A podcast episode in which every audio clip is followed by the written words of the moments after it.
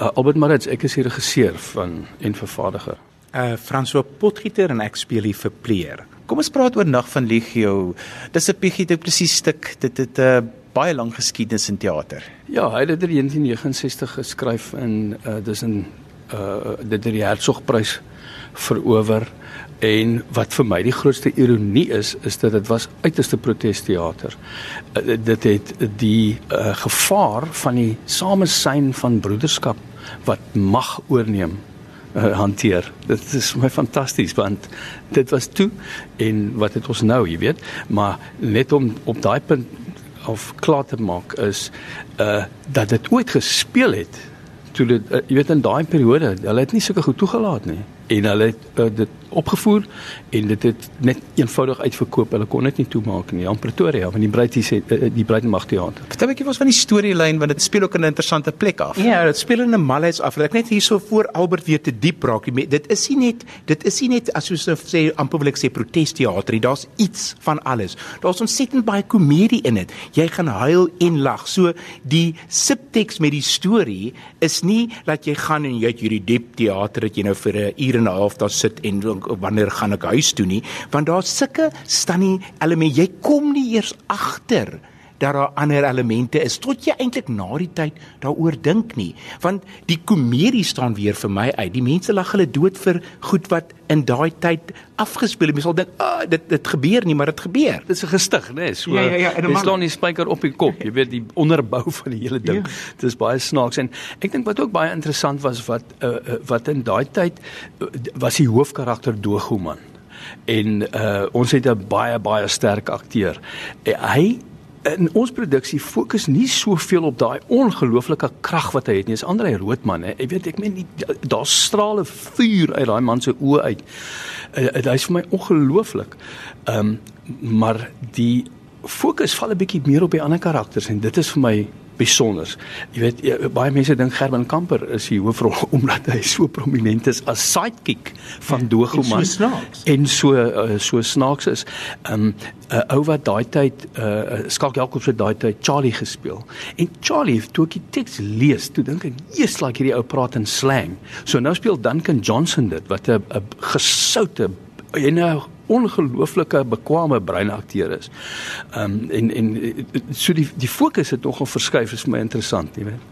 Die verpleer is 'n kleiner rol, maar dit ja. is ook die rol wat juist die gehoor heeltyd by die stuk betrokke hou. Ja ja ja, um, ek is 'n bietjie bekommerd want die tweede keer dat Albert my gebruik in 'n malhuis, so ehm um, dit het my dink, maar ja, wel dat 'n kleiner rol soos hulle sê as jy drama skool toe gaan, nou is nie iets soos klein rolle nie, want ons want daar's soveel werk in 'n produksie, so jy het soveel goedjies wat die gehoor nie sien nie, wat Albert ons ook tyd gee om te doen. So baie regisseurs sal sê nee nee, dis jou werk, maar Albert laat ons doen en groei want as jy nie leer nie dan uh, soos ek altyd sê gaan verkoop skoene in Edgar. So so dat dis daai goedjies wat ons doen en jy sien amper backstage ook want ons werk heeltyd saam in vandag se tye is daar nie meer ietsie vir almal, iemand wat jou hare doen, iemand wat jou make-up doen nie. Ons moet saamwerk en en daarvoor gee hy ons daai vryheid om as jy wil inklim in dit en dat en dit ook wil doen, dan gee hy dit vir jou om dit te doen. So dit is altyd 'n voorreg want om my ou stukke weer terug te bring, want dis goed wat jy gelees het op drama skool en dink dit gaan ek nooit weer sien nie. En Albert het wat dan dit nou weer teruggebring het in vandag se tye is vir ons almal 'n groot groot voorreg jy weet François praat nou dat ek kom al voorheen ook in 'n gestig gehad het. Toe ons van se trein doen, ehm um, was hy die polisieman ehm um, by tye kyk Dion Lots was eers die polisieman. Toe word hy die polisieman. In 'n stadium was ek die polisieman en so die goed maar rondgeskuif want ons het 2 jaar gespeel. Maar in die volgende produksie van se stasie het hy die konnekteur gespeel en wat vir my lekker was ek moes nou hoor hoe klink hy. Wat vir my lekker was van daai konnekteur is as hy ingekom het in daai trein dan die gehoor al so begin gaan. Mm, oh, jy weet so so gaan wonder ons sit met 'n gestig wat lyk soos 'n malhuis nie. Albert ons het 'n baie lekker rolverdeling rolverdelinge slag op die verhoog want die stuk kom nog uit die tyd toe mense groot rolverdelings op verhoog kon sit so ek sê vir ons luisteraars wie speel jy in want dit is die lekkerte vir my gewees om weer slag hierdie gesoute hande op die verhoog te kon ervaar Okay, ek het nou klaar gesê Andre Roodman hè vir wie ek die ongelooflikste ontzag het. Ehm um, en ek het Gerben Kamper genoem wat 'n redelike held is. Ehm um, in die Kaap vlere kap gewen het vir hierdie jaar nog, né? Alipad van Bloemfontein. En um, en dan wil ek amper sê so tussen hulle is uh, die ou wat Marius Weyers destyds gespeel het Dirkie en dit word gespeel deur François Jacobs. Hy is sopas die beste akteur in die tempos gewees vir uh, vir die voels. Ehm um, dan uh, so die volgende 'n vlak van sigbaarheid wil ek amper sê want almal moet die heeltyd besig wees. Almal is daar nê. En dit is die grootste vreugde om Dion Lots te hê wat wat 'n uh, uh, 'n klein juweel skep op die verhoog. Hy is die heeltyd daar en is soms deel van die komedie en soms deel van die ongelooflike erns nê. Dit dan kap dit so half in jou onderbewussyn rond. Ehm um, Eh, dan ehm um, het ek nou gesê Dion Duncan Johnson het ek nou nou genoem wat 'n juweel van 'n uh, ehm um, optredetjie het. Ehm um, ek sê nou optredetjie, ekskuus, maar ek wil nou nie sê performance, laat ek maar net sê 'n juweel van 'n performance het hy hy, hy kan nou nie dit vervang met 'n beter woord vir die oomblikie.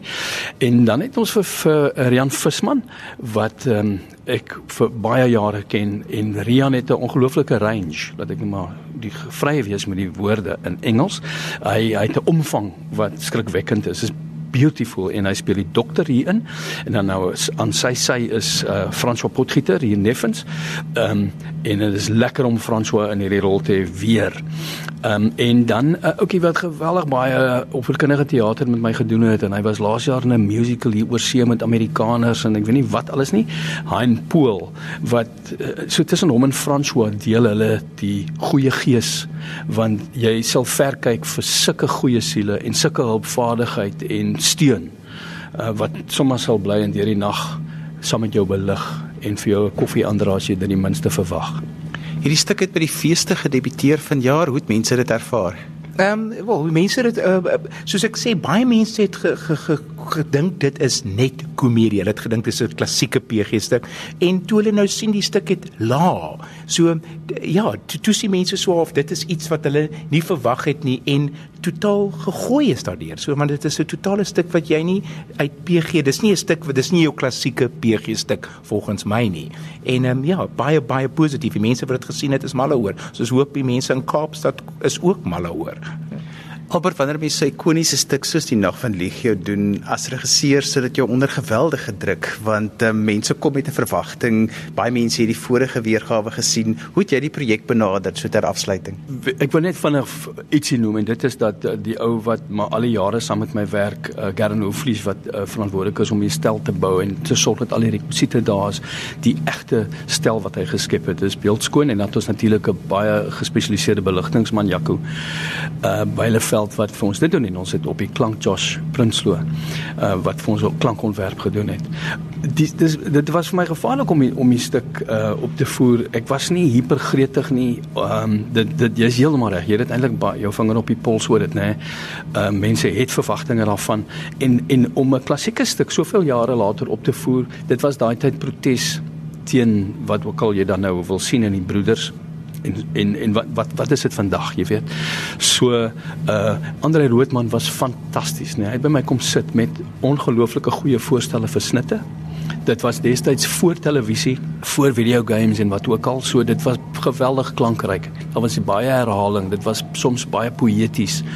En ons moes Ons het omtrent 'n uur verloor van die teks om oor te bly met ongeveer 'n uur en 20 minute.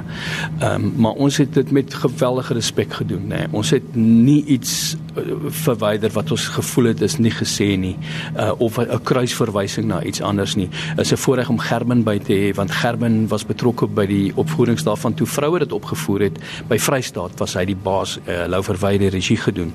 So hy het uh, hy het baie goeie kennis en en jy weet so ek het staat gemaak op leiding van die rolverdeling om vir hulle, jy weet, dat ons nie dom is nie en disrespekvol is nie. Uh ja, so uiteindelik uh, het ons op die verhoog wat daar is en dis nou vir die gehoor om te besluit.